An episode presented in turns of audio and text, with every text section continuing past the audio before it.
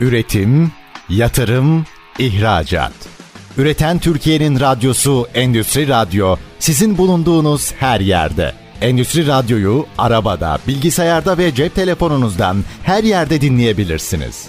Endüstri Radyo.com Doktor Hüseyin Halıcı'nın hazırlayıp sunduğu Dijital Dönüşüm ve Toplum 5.0 Sohbetleri programı başlıyor. Sevgili Endüstri Radyo dinleyicileri, yeni bir Dijital Dönüşüm ve Toplum 5.0 Sohbetleri programından daha hepinize merhaba. Dijital dönüşümü, Toplum 5.0, otomasyonu, yapay zeka, endüstri, genel olarak tüm teknolojiyi konuştuğumuz programlarımızda konusunda uzman, kıymetli konukları ağırlıyoruz. Bugünkü programımızda da KEBA Ülke Müdürü Sayın Onur Yıldız Doğan bizimle beraber. Onur Bey hoş geldin. Hoş bulduk. Teşekkürler Hüseyin Bey. Eksik olmayın. Sağ olun. Teşekkür ee, ederim davetiniz için. Bizim için büyük bir mutluluk. Tabii ben burada Onur Bey'i de eskiden beri tanıdığım için zaman zaman samimi hitaplarım olduğunda da beni affediniz lütfen. Keza benden şekilde Hüseyin abi diye hitap edersem aynı şekilde dinleyicilerimizin kusura bakmasınlar. Evet o zaman bu açıklamamızı da yaptıktan sonra evet. rahatlıkla programımıza geçebiliriz. Tabii ben bahsettiğim gibi tanıyorum ama değerli dinleyicilerimiz de e, seni tanırsın. Onun için şöyle bir kendini anlatırsan en iyi sen anlatırsın diye düşünüyorum. e, Hayır memnuniyetle. Seviniriz. Teşekkür ederim. Ben Yıldız Teknik Üniversitesi Elektrik Mühendisliği bölümünden mezun oldum. Milenyum mezunuyum. 2000 yılında mezun oldum. Ne güzel. Yaklaşık 22-23 yıldan beri de endüstrinin içindeyim. Ama tabii şöyle mezun olduktan sonra tamamen farklı bir sektörde yer aldım. İlk iş intibası itibariyle farklı bir sektörde yer aldım. E, şantiyecilik yaptım. Yani bir buçuk yıl kontrol mühendisliği olarak başladım. Ve eş güdümlü olarak da bir MBA durumu söz konusuydu. Yüksek lisans yaptım teknoloji enstitüsünde. Derken bir teknik altyapıyla proje mühendisliği, teknik yazılım, yazılım mühendisi olarak görevime başladım. 7 yıl boyunca endüstride derken bir gün bir genel müdürümüz sonra çalışmış olduğum genel müdürümüz dedi ki sen dedi bu teknik altyapını lütfen satışta kullan. Teknik bir satış köken son derece önemli olabilir diye söyledi. Ve o gün bugündür aslında endüstrinin içindeyim. Omron Elektronik'le başladım satış tarafına. Bir bakım mühendisliği altyapım var. Massey Ferguson traktör fabrikasında. Akabinde Omron, sonrasında Uvago, ESA derken bugün Keba Türkiye. O şekilde bir kariyer basamaklarını tek tek ilerliyoruz. Evet, gerçekten hem sektördeki e, bu otomasyon sektöründeki kıymetli firmalarda çalıştığını görüyorum. Hepsinin de gayet yakından tanıyorum ülke müdürlerini, daha önceki yöneticilerini de. E, şimdi buradan da onlara hep selamımız olsun. Senin de emeğin geçmiş bu firmalara. Zaten e, birisinde de en son olanda da zaten ülke müdürlüğü yapmıştın. Evet bu doğru. Esad öyleydi. Geçmeden önce. Evet. Teşekkür ederim. Bu arada hemen aklıma tabii şu soru geliyor. Çünkü çok önemli insanlık kariyerinde başarılı olacağı mesleği tamam da bir de başarılı olacağı bölümlerde çalışmak. İşte satış, teknik, arge, işte veya marketing gibi bir sürü bölümler var. Buradan mesela satışa geçişini senden önce keşfetmişler. Aslında sen de normalde geçecektin belki. Ama senden önce keşfedip sana tavsiyede bulunarak geçildi evet, değil mi? Kesinlikle. Ben aslında ilk geçerken çok yadırgamıştım nasıl ilerleyeceğime dair bir kafamda soru işaretleri vardı. Acaba başarabilecek miyim, becerebilecek miyim diye. Fakat e, görüşmemizin yarım saat değil de 3 saate yakın olduğunu görünce genel müdürüm dedi ki sen hem ağzına laf yapıyor. Dolayısıyla doğru cümleleri doğru şekilde kullanabiliyorsun. Zannediyorum dedi çok etkin olacak. Teşekkür ederim eksik olmasın kendisine. İsmini de verebilirim Doğan Uğur. Buradan selamlar olsun kendisine. Evet. O gün bugündür evet satış tarafı insanın sevmesi önemli. Eğer sevmemiş olsaydım kesinlikle başarılı olabileceğimi düşünmüyorum açıkçası. Çünkü ben sahada da çok mutluydum. Teknik olarak da çok mutluydum. Ama satışta da o mutluluğu yakaladım.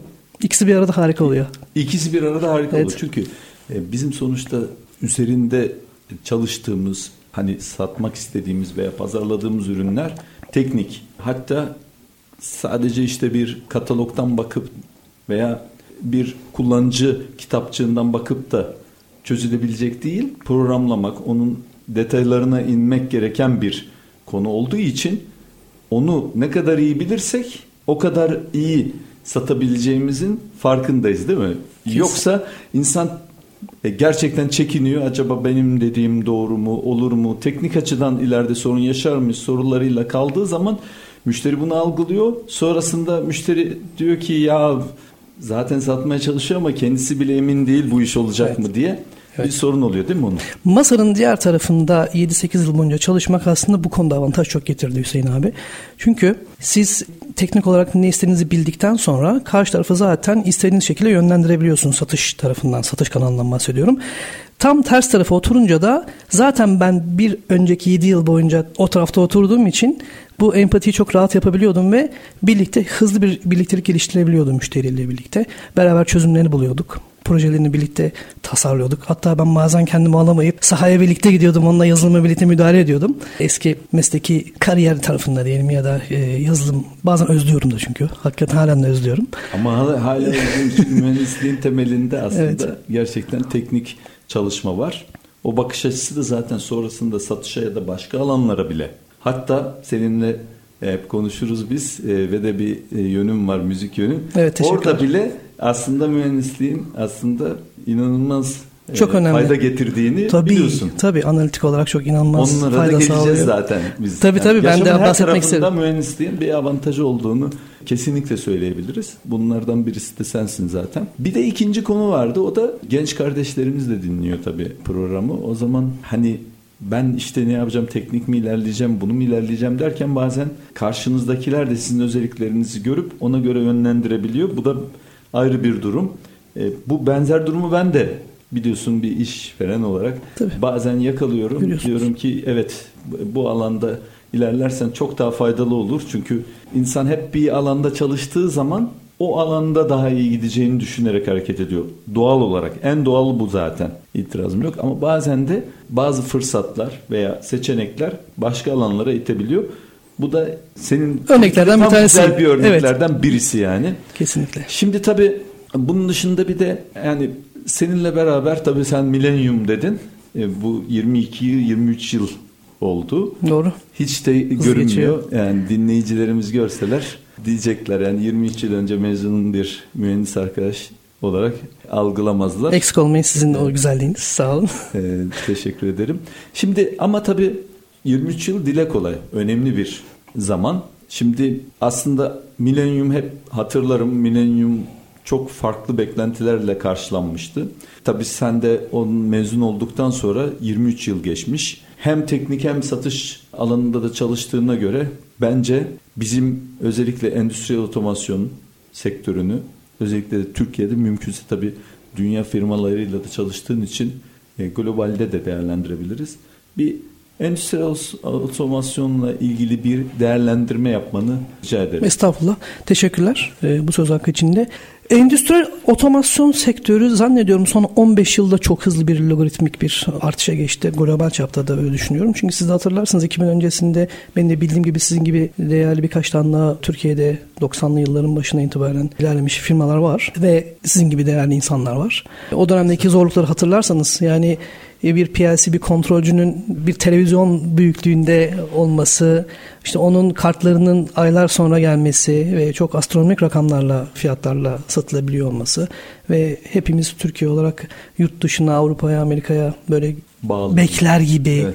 onları bekler. Şu an öyle bir artık global çapta çok büyük bir internet iletişim ağı olduktan sonra her şey ulaşılabilir olmuş durumda. Ulaşılabilirlik çok önemliydi ve otomasyonda son 15 yılda bu şekilde arttı diye düşünüyorum. Yani biz eskiden kontrolcüler, PLC'ler, röler konuşurken bugün mikro işlemciler, robotik kontrolcüler ve inanılmaz hızlarda işte gerçek zamanlı Ethercat'li, işte PowerLink'li veya ne diyeyim gerçek zamanlı Ethernet, Ethernet protokollerinden bahsediyoruz. Eskiden bunlar hayaldi. Biz inanın yani o kabloyu takarken bile bu kablonun ne kadar hızlı olduğunu RS-232'nin seri haberleşmenin ne kadar hızlı bir haberleşme protokolü diye kendi kendimize konuşurken bugün onu kullanmıyoruz bile. Çok hızlı bir gelişim oldu. Global ölçekte de tüm firmalar buna ilişkin büyük yatırımlar yapıyorlar yakalamaya çalışıyorlar. Endüstri 4.0 ile birlikte bu sanayi devrimiyle birlikte herkes bir telaş içindeydi ama şu an görüyoruz ki çok hızlı yenilik peşinde hatta çok hızlı tüketiyoruz. Yani o kadar hızlı tüketiyoruz ki belki toplum 5.0'a değineceğiz biraz sonra ama evet. insanlar o Endüstri 4.0'ın mekanizmine, mekaniğine bir mutsuzluk katıyorlar diye düşünüyorum bazen de. Bu açıdan ele almak lazım. Biz mutlu insanlar olması açısından bu Endüstri 4.0'ı toplum 5.0'ı nasıl entegre ederiz? Onun mücadelesini vermeliyiz bence. Çünkü mutsuz insan Endüstri 10.0'da olsa maalesef her şey insan odaklı olmak durumunda. Daha uzun ömürlü olmak için bu teknolojiyi kullanabiliyor muyuz? Veya örnek veriyorum e, finansal açıdan daha güçlü olabilmek için bu teknolojinin neresinden faydalanabiliyoruz? Bunları değinmek lazım. Endüstri otomasyonu bunun bir parçası ve fabrika tarafında nesnelerin interneti o kadar çok hızlı bir çığ gibi bir gelişme var ki takip edemiyoruz biz bile takip edemiyoruz. Hatta bizim arkada çalışan yani argeciler bile bunu zar zor takip ediyorlar. Birbirlerinden öğreniyorlar. Rakipler artık tamamen rakip olmaktan çıkmışlar. Birbirleri arkada alışveriş halindeler. Kesinlikle. Değişik bir dünyaya doğru gidiyoruz. Dolayısıyla 15 yıl 20 yıl önceki endüstriyel otomasyonu bugünkü tamamen farklı. Zannediyorum 15-20 yıl sonra daha da farklı olacak. Kesinlikle bu zaten teknoloji ve özellikle de bu son dijitalleşme ile beraber bizim karşılaştığımız aslında güzel de bir şey. Çünkü hızlı değişim şu demektir. Birçok çünkü bunların hepsi insanlık yararına. Yani bugün şöyle geçmişe bakalım. Bu teknolojiyi, dijitalleşmeyi veya aklınıza gelebilen her türlü konuyu bakarsanız yeniliklere neticesinde insanlığın yararına oluyor. Bugün bu teknolojileri biz endüstride, diğer alanlarda nerede kullanırsak kullanalım hep bizim yararımıza.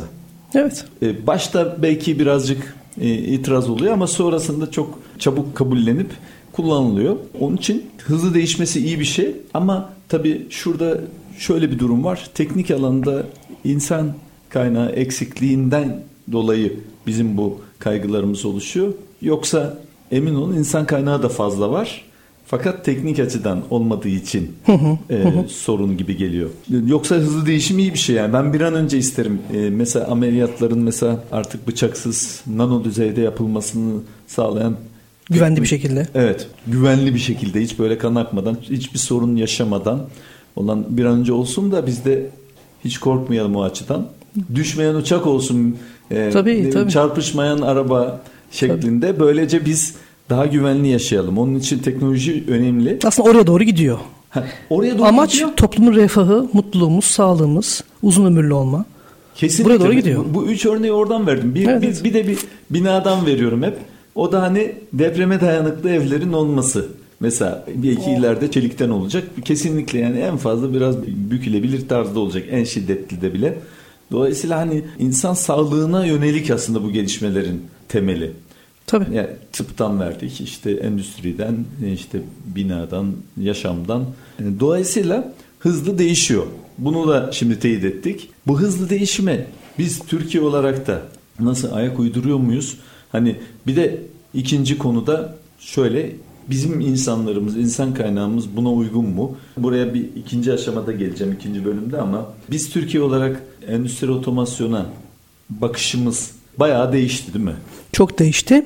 Aslında ülkemizin insanları hepimiz gerçekten vatandaşlarımızdan ne diyorum ki hızlı yeniliklere, hızlı değişimlere, gerek finansal kriz tarafında yönetimlerinde, gerekse endüstriyel değişimler tarafında, tüketim tarafında her şey çok hızlı adapte olabilen ve çok gerçekten zeki ve pratik. Ben bunu yurt dışı firmalara çalıştığım için görüyorum. Yani İsviçreli, Japon, Alman, İtalyan onların konuya bakış açısıyla bizim pratik zekalı olmamız yani ülke olarak konuşuyorum hepimiz A'dan Z'den 77'ye şaşırtıyor onları. Örnek veriyorum bir konu hakkında bir yorum yapıyorlar bir ay sürüyor. Biz oturup değerlendirip birkaç saat içinde çok hızlı bir karar alıp ortaya bir çözümle giderek hatta birkaç alternatif çözümle giderek insan şaşırıyorlar yani. Şaşırıyorlar. Nasıl hani baş ediyorsunuz? Örnek veriyorum tekrar enflasyon oranlarının yükseldiğini düşünelim. Nasıl baş ediyorsunuz diyor 3 haneli 2 haneli enflasyon onlar daha birlerle baş edemezken. Biz teknolojik boyutta da çok hızlı adaptasyona hakim olup bunu iyi kullanabilen bir ülkeyiz. Bunu değerlendirmemizde fayda var ve bunu satmamıza da yurt dışında fayda var diye düşünüyorum. Sadece bizim eksik olduğumuz taraf üretim kapasitemizi daha teknolojik boyutlarda kendimizi ispat ederek bunu ihracata yöneltmek. Bunu makine elemançılarımız yapıyor. Belki otomotiv sektöründe yakında olacak yeni yerli üretimle birlikte. Ama teknoloji üretip yurt dışına vermek bu bambaşka bir haz olsa gerek. Umarım onu da yakın zamanda tadarız. Biz yakından takip ediyoruz. Endüstri 4.0 değil bence 5.0 bile kullanan fabrikalar görüyorum ben gittiğim zaman. Ve hızlı bir şekilde yenilikçi, inovasyona açık, tartışmaya değer herkes adım atmaya çalışıyor gördüğümüz kadarıyla. Kesinlikle. Bu arada tabii bu esneklikten bahsederken aklıma çalıştığın firmaların ülkeleri geldi. Japon, Alman, İtalyan değil mi? Evet. Böyle bir baktığımızda bütün bu değişik ülkeleri de dikkate alarak Tabii tabii. değerlendirdiğin için hepsine göre esnek olduğumuzda teyit etmiş oluyorsun. Çok net uzak ara hatta. Uzak ara. Uzak ara o zaman kısa bir ara vermemiz lazım. Hay hay. Aradan sonra devam edeceğiz. Çok memnun oldum. Üretim, yatırım, ihracat. Üreten Türkiye'nin radyosu Endüstri Radyo sizin bulunduğunuz her yerde. Endüstri Radyo'yu arabada, bilgisayarda ve cep telefonunuzdan her yerde dinleyebilirsiniz. Endüstri Radyo.com Sevgili Endüstri Radyo dinleyicileri, Dijital Dönüşüm ve Toplum 5.0 sohbetlerinde ikinci bölümde yine kıymetli konuğumuz KEBA Ülke Müdürü Sayın Onur Yıldız Doğan'la beraberiz.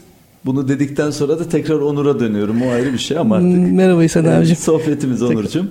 Şimdi e, tabii biz bahsettik işte o esneklik aslında çok önemli. Araya girmeden önce ona girmiştik. Ben onu da tekrar gündeme getirmek istiyorum. Çünkü cesaretlendirmemiz lazım ülkemizdeki Kesinlikle. insanları. Biz teknolojiyle uğraşan bir sektör olduğumuz için özellikle de dünya teknoloji üzerine kurulu e, bir yapısı var. Zaten olmak da zorunda. Gelecekte de öyle olacak. E, İsterseniz tarımla uğraşın, isterseniz sanayiyle, isterseniz sağlıkla, isterseniz finansla fark etmez. Teknoloji temel. Hayatımızın parçası, kaçınılmaz Evet, son. Hatta hay- yaşamamızın bir parçası, yaşamın bir parçası. Dolayısıyla bu esnekliği söylüyor olman çok önemliydi. Hani dediğim gibi Japon, Alman, İtalyan firmaları dikkate aldığımızda hepsiyle çalışmış birisi olarak onlar da gerçekten güzel örnekler oluyor farklı. Şimdi bu noktada biz şimdi tabii Türkiye'yi dikkate alalım yine biz. Üretimin önemli olduğunu söylemiştin. Esnek bir yapımız da var. Peki biz mesela üretimde, imalat sektöründe bu ister diyelim akıllı otomasyon sistemleri, istersen Endüstri 4.0 diyelim.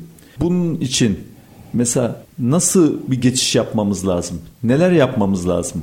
Hiç mi eksi tarafımız yok? Yani çünkü bazen programları yaparken ben tabii pozitif bakan biriyim. Pozitif olmadım hiçbir şeyde ilerleyemeyiz. Muhakkak. Ama eleştiriye de açık olmamız lazım. Yani neler eksik bizim? Hangi eksik yönlerimiz var? Dediğim gibi güçlü bir yönümüz neydi? Esnek olmamız ve bizim gerçekten de avantajımız.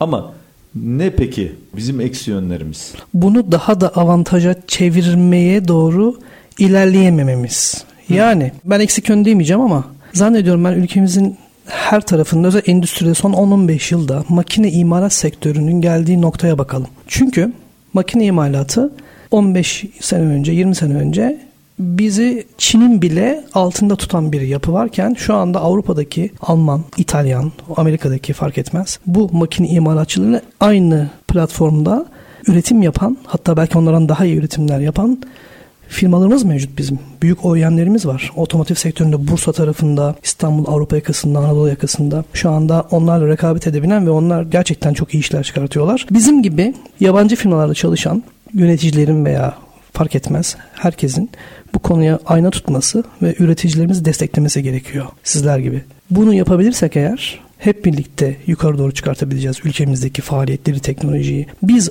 getireceğiz, önlerine sunacağız ve onların kullanması için onları ikna edeceğiz. Onlar kendi üretimlerini yapacaklar ve tamamı karşılıklı bir akış diyagramında olacak bu mesele. Çünkü biz cesaretlendirilmeye ihtiyacı olan bir millet değiliz. Biz sadece harekete geçirilmeyi bekleyen bir milleti. Biz de buna vesile olmak durumundayız diye düşünüyorum. Yani Evet. eğer biz harekete geçebilirsek imalatçıları, üreticileri, belki kafasında bir şey oluşturmaya çalışan, teknoloji üretmeye çalışan bir kişiyi konuna girerek cesaretlendirebilirsek işte o zaman bir başlangıç yakalayacağız diye düşünüyorum. Çünkü gerekli tüm doneler elimizde var. Potansiyel çok yüksek derecede var. Hadi bunu kullanma zamanı. Bunu kullanalım diyorsun. Tabii. Potansiyel Kullanmalıyız. Altyapı Farkına varmayız. var gibi. Bilinçli farkındalık. Heh, altyapı da var gibi değil mi? Yani bazı eksiklikler olabilir. Artık oluşturuluyor. Oluşturuluyor. Hiç uzak değil. Evet. Ve özellikle de bu pandemiden sonra da baya bir avantaj elde ettik. Çünkü uzak doğuya ya da Çin'e gitmek yerine buradan çözüm bulma çabası özellikle de Avrupa'yı ben kastediyorum. Tabii, tabii, tabii, tabii. Sen de onu kastediyorsun. Bence sınıfta kaldılar hatta biz evet. o konuda çok ilerlediğimizi düşünüyorum. Evet o yüzden biz üretim üssü olabiliriz ve üretimle beraber de üretim sadece üretim değildir aslında. Çünkü ürettiğiniz bir şeyi geliştirmeye de başlarsınız. Tabii Onu ki. başlarsanız üretmeye Tabii ki. bu sefer süreç içerisinde geliştirirsiniz. Senin de dediğin gibi evet makineler özellikle makine üreticileri önemli bizim ülkemizde. Şu anda da gerçekten çok aktifler. Onu da görebiliyoruz.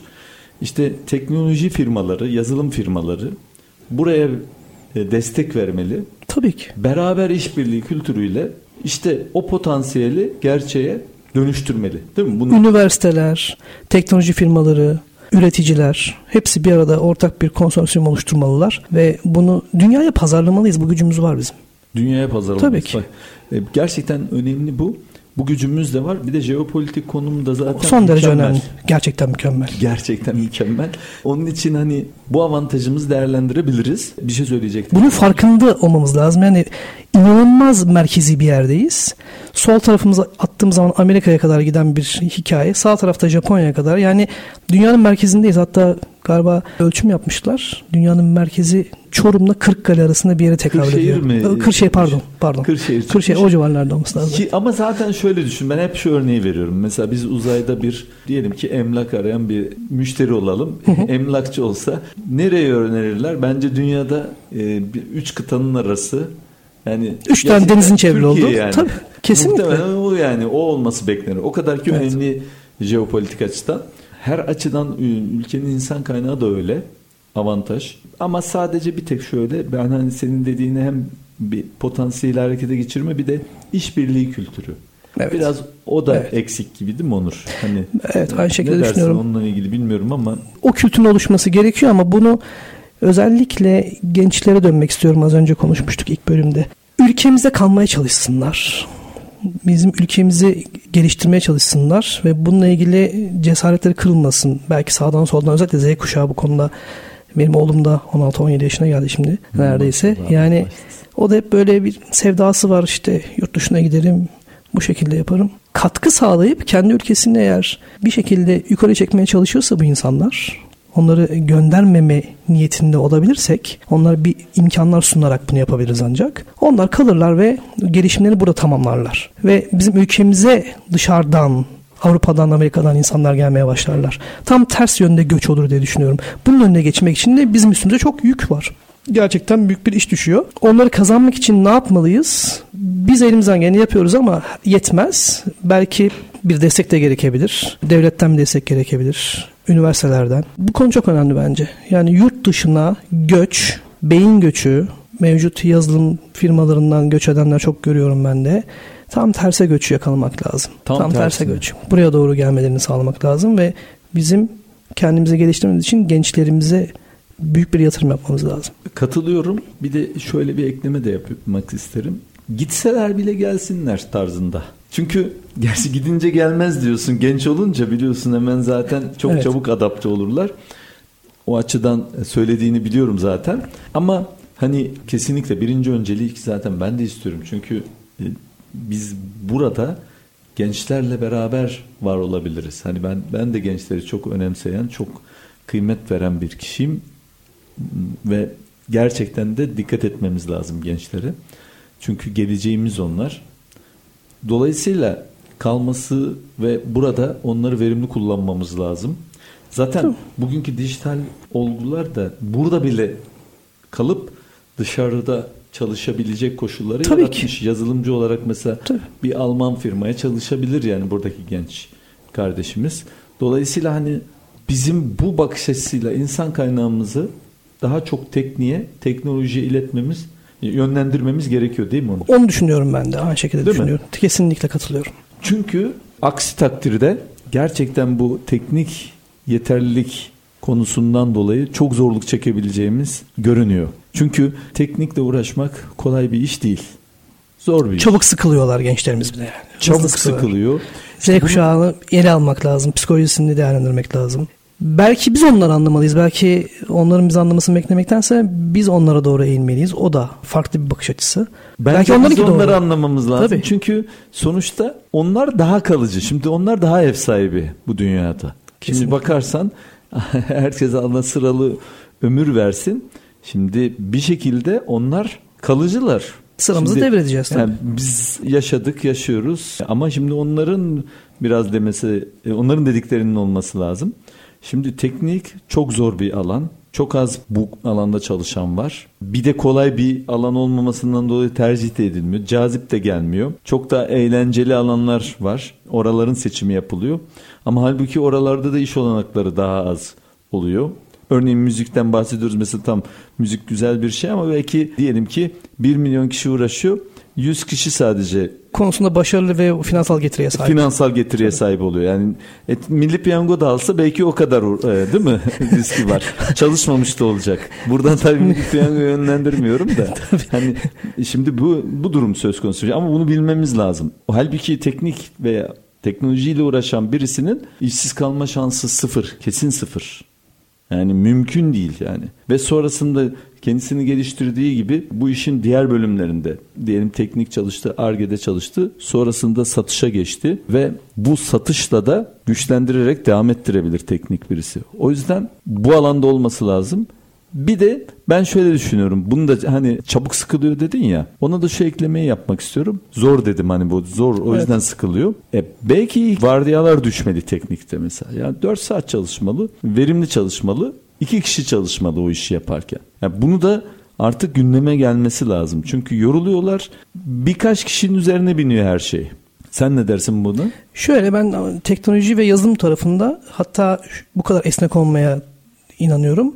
Belki bir hafta çalışmasın. Belki rüyasında çalışacak. Yani yazılımcı kafası o teknoloji, o yazılımı ben görüyorum bazen yani makine yazılımı yapanlar, işte aplikasyon yazılımı yapanlar. Adam belli bir saatten sonra akşam 12'den sonra rahat. 12'den saat 4'e 5'e kadar öyle bir çalışma içeriyor ki bir aylık çalışmasını 5 saatte yapıyor Hüseyin abi. Yani Ciddi bak. Geri kalan tarafta belki hiç çalışmıyormuş gibi görünüyor ama adam bir aylık yükünü 4-5 saate yapabiliyor. Bence pandemiyle birlikte bu da sona ermek üzere. İşte kimi ülkelerde 3 gün hafta sonuna çıktı, 4 gün çalışmalar başlıyor. Yani çalışma saatleri işte e, eğer bir operatör değilse, sabahtan akşama kadar bir üretim bantında değilse kişi bence esnek olmalı. Bu da esnek olmalı. Esnek olmalı. Kesinlikle ben de aynı fikirdeyim. Zaten senin şu müzik yönün zaten buraya yansıyor. Dikkat ettiysen. Fark etti mi? Tabii ki. Çünkü bestekarlar ne yapıyor? Akşamları çalışıyor. Veya ne zaman aklına bir, bir şeyi görüyor ondan Tabii. ilham alıyor o anda aklına Tabii. geliyor. Yazılım da öyle bir şey.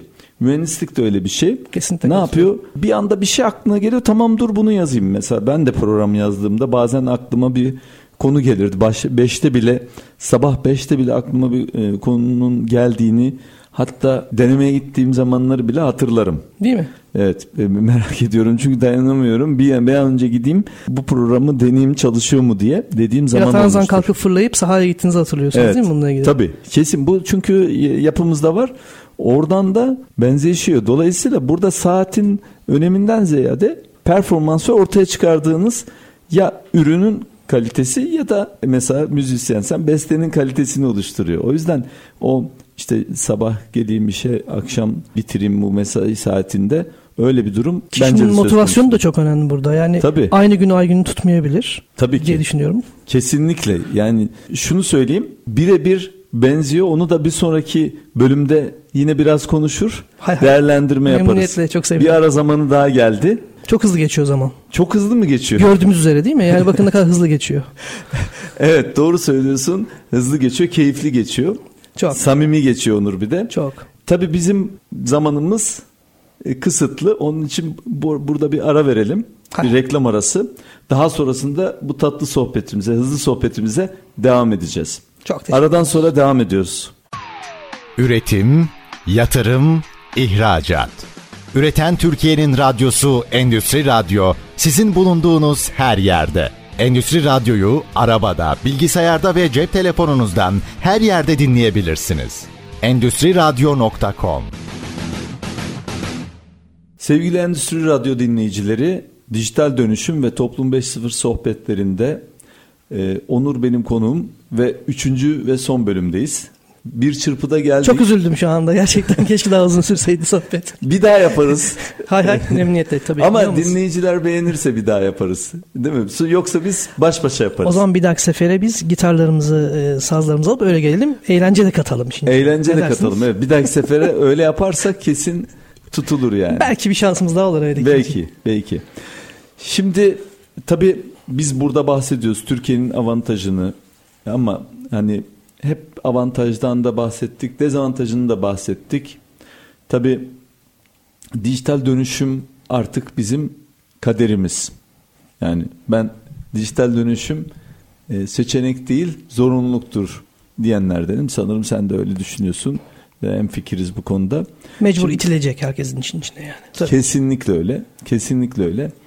Biz de tabii bu zorunluluğu dikkate alarak ama bu kötü bir zorunluluk anlamında değil yani. Belki kelime antipatik oluyor bazı insanlara ama. Evet zorunluluk insanı tabii insan doğasına iyi gelmeyen bir evet, kelime. Aynen. Yani insan daha rahat istiyor. seçenek olsun diyor. Ama maalesef gerçekten de seçenek değil. Çünkü bunu seçeceğiniz bir durum değil. Örnek veriyorum. Mesela şimdi hani dramatik bir örnek. Bir Kaan arabasıyla artık yolculuk yok yani. Cep ne? telefonsuz insan var mı? Cep telefonsuz insan var mı? Bir iki üç telefonu olanlar var. Mümkün. Dolayısıyla hani buradan zaten görüyoruz. Ayak uydurma meselesi. Ayak uydurma tabii. meselesi evet. Aynen. Kesinlikle onur. Şimdi bu e, tabii pandemiyle beraber de bu çok iyi bir anlaşıldı. Yani daha öncesinde hani ya işte tamam neydi bakarız ederiz gibi şimdi pandemide netleşti. Şimdi pandemi sonrasında bile artık dijital mecraları kullanma yerleşti. Bitmedi yani. Yine ne oluyor? Bir toplantı oluyor hemen bir dijital ortamda, mecrada. Çok da güzel de oluyor. Detaylarıyla anlatılıyor. Bir sürü olayın e, daha doğrusu konunun ilgililerinin hepsinin girmesi. Seninle de geçen gün yaptık. Tabii. Değil mi? Tabii. İşte yurt dışından buradan biz katıldık hep beraber yine bir toplantı yapabiliyoruz. Büyük bir tasarruf. Büyük evet bir, büyük bir tasarruf. O büyük bir verim yani. Gidecek, otelde kalacak, tekrar zaman geçecek. Zaman geçecek. Aynı saat diliminde konuşacaksınız ama biz bir buçuk saatte toplantımızı bitirdik. Üç gün süreceğini değil mi? Üç gün süreceğini. Dolayısıyla bu noktaya geldiğimizde bu pandemi bayağı bir etkiledi diyebiliriz değil mi? Olumlu olarak evet. Olumlu olarak. Bir de bizim tabii ki bu olumlu olarak etkilediğini etkilemesi niye önemli? Bizim %98'i Kobe olan bir ülkede yaşadığımızı düşünerek ben zaten bunu söylüyorum. Yoksa e, işte sizin çalıştığınız firmalar gibi veya uluslararası firmalar zaten bunun farkında ve ona gere gerekli önlemleri alıyorlar. Şimdi %98'inin Kobe olduğu bir ülkede, ülkemizde bizim bu dijital dönüşüme geçerken neler tavsiye edersin mesela sadece endüstride değil veya bunun yanında mesela toplum 5.0 kavramı da gündeme geliyor. Ona tabii, da geleceğim. Tabii, tabii. Bunu da dikkate alarak cevaplamanı rica ediyorum. Hani geleceğimizde artık bu kavramlar varken hani neler tavsiye edersin sen? Aslında kavramlara takılmadan bu insanlar kendilerini doğal akışa bırakacaklar. Üreticiler, patronlar, iş yaptıkları çevre, kendi akışında zaten su akacak yolunu bulacak ve biz bir şekilde bu dijital dönüşüme otomatik olarak gideceğiz. Ama ekstra bir efor sarf etmekten bahsediyorsak eğer daha büyük olanlardan, daha büyük kobilerden bahsediyorsak mutlaka işinde uzman kişilerden destek alarak, belki danışmanlık alarak, belki örneklerini yurt dışına gidip görerek, zannediyorum bu şekilde bir aksiyon alabilirler diye düşünüyorum. Evet. Bizim üstümüze çok yük düşüyor bununla ilgili. Üniversitenin üzerine büyük yük düşüyor. Yeni genç jenerasyonu bu konuya empoze etmek, bu konuyu anlatmak e, o anlamda çok büyük yükler var üstümüze. Hepimizin üstünde olduğunu düşünüyorum. E, bunu devredeceğiz. Biz de yeni öğreniyoruz. Tabii. Öğrendiğimizi aktarmamız önemli. İşte bu tarz mecralarda aktarmamız gerekecek. Belki toplu seminerler yapılabilir. E, herkesin bir arada bir de karşı tarafın bunu istemesi lazım. Evet. Bakın şu işte an herkes cep telefonu kullanıyor. Ha, istemesini nasıl sağlayacağız? Aslında bak en ben onu sormak istiyormuşum. Şimdi hatırladım. Böylece sen. Şöyle onu nasıl sağlayacağız biliyor musunuz? Etrafındaki diğer kobiler bu işe bir şekilde başlayacaklar. Cesaretli evet. olanlar öne çıkacaklar. Veya kendini geliştirmek isteyenler bir adım öne geçecek ve kendisini gören diğerleri de onları ayak uydurmaya çalışacak. Çünkü biz biraz toplumumuzda biraz bizim öyle. Örnekleme var yani. İlk cep telefonundan yola çıkalım. Çok yüksek e, fiyatlara satılan. Ve şöyle düşünün. Şu anda cep telefonsuz insan yok. Evet. Herkes kullanıyor bunu ve hatta işte benim 75 yaşındaki annem bile alıp işte WhatsApp'ına bakıyor, Instagram'ına bakıyor. Bakın Yani o eski jenerasyon bile konuya adapte olmuş durumda şu anda. Tabii. Dolayısıyla ve çoğu KOBİ'yi de artık yeni jenerasyon yönettiğine göre artık bunların buna direnmesinin bir mantığı yok. Lütfen el birliğiyle ülkemizi daha da iyi bir yere getirmek için buna e, devam edeceğiz. Kesinlikle. Teknolojiyi takip edeceğiz. Tedarik zincirlerini görüyorsunuz. Yani bakın şu anda ben internete girerek Çin'den, Japonya'dan herhangi bir ürünü çok kısa bir zamanda buraya getirtebilirim. Veya buradan oraya gönderebilirim. Bu Bunu takip şey. edeceğiz. Bu pandemiyle birlikte gerçekten bu dijital dönüşüm daha da aktif hale geldi. Belki çok başındayız. Ben inanıyorum ki yine hızlı logaritmik bir eğriyle diğer ülkelerin önüne geçeceğiz bu konuda da. Çok net eminim yani. Kesinlikle. Sadece bir nokta var. Onu sanırım sen de katılır mısın Onur? Şimdi şöyle bir durum var. Mesela bizim ülkemizde dediğin gibi ilk başlangıçlar önemli. Mesela dijital dönüşüm isteyen bir kobi oluyor ama ona gerekli çözüm ya da ihtiyacı olan çözüm uygulanmadığı zaman e, kötü bir örnekle başlamış oluyor. Bu yüzden uzman kişiler önemli.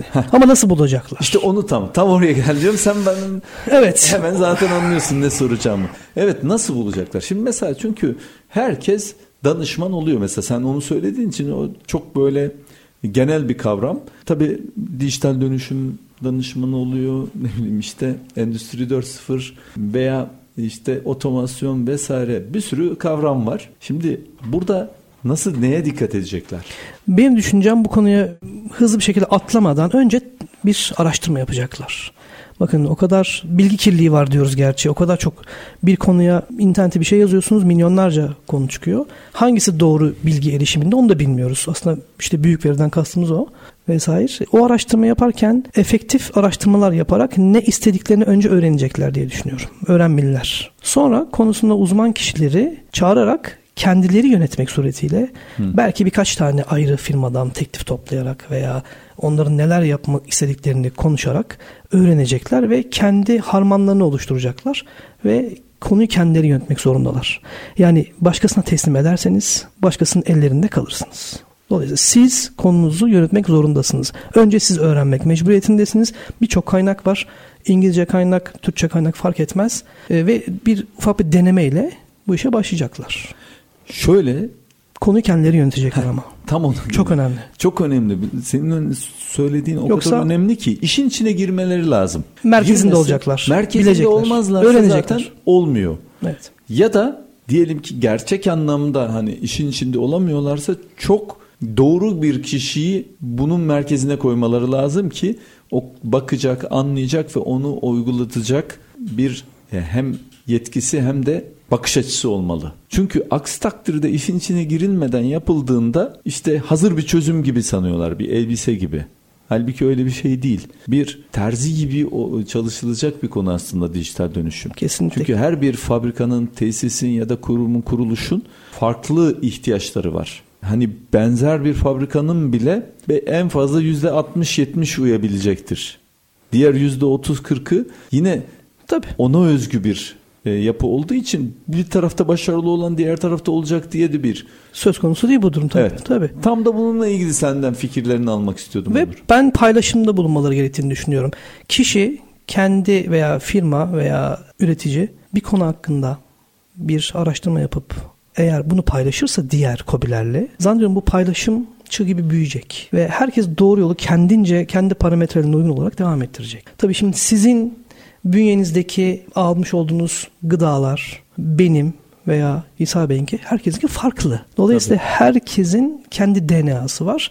Bu konuda biraz da DNA'ya uygun. Dijitalleşme tarafı tamamen özel, butik yapılmalı ama bu tecrübeler de paylaşılmalı. Başka türlü büyülmez. Büyümesi mümkün değil diye düşünüyorum. Kesinlikle. Burası çok önemliydi. Bunu da gerçekten teşekkür ederim. Gayet güzel yorumladın. Çünkü doğru bir seçim ve işin içerisinde olmadığımı dijital dönüşüme de başarılı olması firmaların gerçekten mümkün, mümkün değil. değil. Mümkün değil. Yani mesela hani yarım yamalak da olmuyor bu iş. Ya dijital biliyorsun ya var ya yok şeklindedir. Dolayısıyla olmayacaktır. Bunu da bir kere daha buradan söylemiş olalım. Tabii mesela şimdi hep bakıyoruz dijital dönüşüm deyince kavram çok genel. Endüstri 4.0 algılayan var. İşte toplum 5.0 algılayan var. İkisi arasındaki fark tabii Almanlar Endüstri 4.0 ortaya atarken Japonlar da sen toplum ikisiyle de çalıştın tabii. tabii İki ülkeyle de toplum 5.0 ortaya attı. Biri, birisi diyor ki endüstride e, dijitalleşmeyi insandan bağımsız yapıyı oluşturayım. Yapay zeka önderliğinde tıpkı insan gibi düşünen sistemler kurayım. Öteki de diyor ki tamam bu sistemlerle beraber günlük hayatta da ben dijitalleşmenin içerisinde olayım. Toplumun tamamını dijitalleştireyim. Sadece fabrikaları Toplumun da değil. yararına ve mutluluğuna çalışayım. Mutluluğuna. Kesinlikle. Toplum sorunlarını da dijital çevre, terör gibi konuları bile ben dijitalleşme ile minimuma indirgeyim yaklaşımı var. Hani ben de zaten biliyorsun toplum 5.0 tarafındayım ama senin de fikrini almak isterim. Ne düşünüyorsun sen bu konuda? Güzel bir harman. Bence ikisi güzel bir harman olabilir. Endüstri 4.0 tamamen nesnelere, makinalara bağımlı görünse de diğer taraftan toplum 5.0'da bunlar bizim iyiliğimiz için, mutluluğumuz için mutlu insan topluluğu refah toplumlar oluşturulması lazım. Ben şöyle düşünüyorum. Sınırlar eninde sonunda kalkacak. Bu oraya doğru gidiyor. Doğru. Dolayısıyla Japon mantığıyla Alman mantığını karması da belki hani iki ayrı ekstremin bir ara toplanması da belki global ölçekte bizim ortamımıza ortalama bir şey çıkartacak. Yani her ikisinin birden harmanlanması bence son derece önemli. Ama ana merkez insandır. İnsan kalmaya devam edecek. Mutluluğumuz her şeyden önemli. Kesinlikle. Bir de şunu unutmayalım. Hep söylüyoruz ama bazen atlanılıyor. Çünkü insanlar şöyle bir tepki gösteriyorlar teknolojiye, dijitalleşmeye. Ya bu gelecek benim işimden olacağım, yerinden olacağım diye.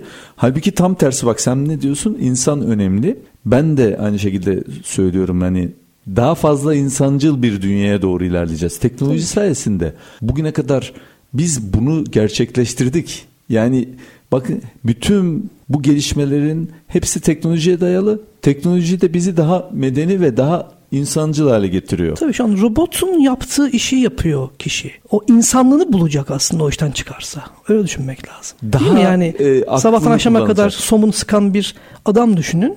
Dolayısıyla artık makineler onun yerine geçerek onun daha farklı görevlerde kendine daha fayda sağlayan, daha ait olduğu, daha insani noktalara çalışmasını sağlayacak. İşsiz kalmayacak. İşsiz kalmayacak. Tabii Bak kalmayacak. ne güzel söylüyoruz. Ben bunu birçok yerde çok zor anlatıyoruz. İşsiz kalmayacaksınız diyoruz ama yine emin olamıyorlar. Çünkü kötü örnekler e, sunan bilinçsiz belki de konuşan insanlardan ya da bilinçli bir şekilde kötü konuşan insanlardan kaynaklanıyor değil mi Onur?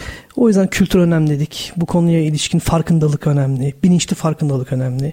Biz biraz geç adapte olan da bir toplumuz. Dinleriz, dinleriz, gözlemleriz. Hep kötüyü algılamayı seviyoruz maalesef. Yani hepimiz öyleyiz. Ama sonra finalde de iyi olanı görüp üzerine yürüyoruz. Hızlı da olsa, geç de olsa bunu yapıyoruz. Zannediyorum biraz da buradan kaynaklanıyor. Anladım. Peki Onur şöyle bir şey. Son evet. dakikamızdayız. Öyle mi? Evet. Çok hızlı. hızlı geçti. Yani bir şey söylemek istediğin bir şey varsa veya ne demek istersin onları dinleyelim. Öncelikle çok teşekkür ederim. Çok teşekkür ederim. Konuk olduğum için çok mutlu oldum. Biz teşekkür ederiz. Hakikaten Hem kendi adına harika, hem de ST Endüstri Radyo oldu. adına. Umarım biraz katkımız olmuştur. Biraz sohbet havasına geçti tabii ki. Yani hep böyle akşama kadar teknolojik konularla konuşmak işte Endüstri 4.0 dijital zeka, yapay zeka bunları konuşmaktansa biraz daha farklı bir boyut getirdiğimizi düşünüyorum sohbete. Evet. İnsanlar mutlu olsunlar. Geleceklerini çok fazla kaygı içinde düşünmesinler. Geçmişlerini didiklemesinler. Bugünün kıymetini bilsinler. Her şey eninde sonunda otomatik olarak yerine gelecektir diye düşünüyorum. Kesinlikle. Bu arada ben de söyleyeyim bizim programımız sohbet programı. Oh ne güzel. Onun için tam uygun yani. Biz burada ne bilgilendirme ne de başka bir amaçla yokuz. Sadece sohbet ediyoruz. Sohbetimizi dinleyicilerle paylaştırıyoruz. Bugün de tabii artık programımın sonuna geldim. Onur gerçekten çok teşekkür ederim. Ben teşekkür Keyifli ederim. Keyifli bir program oldu. Çok mutlu oldum. Ben de öyle. Şimdi tabii Bugünkü programımızın sonunda şunu diyebiliriz. Her şey insanların mutluluğu ve güzel yaşaması için değil mi onu? Kesinlikle.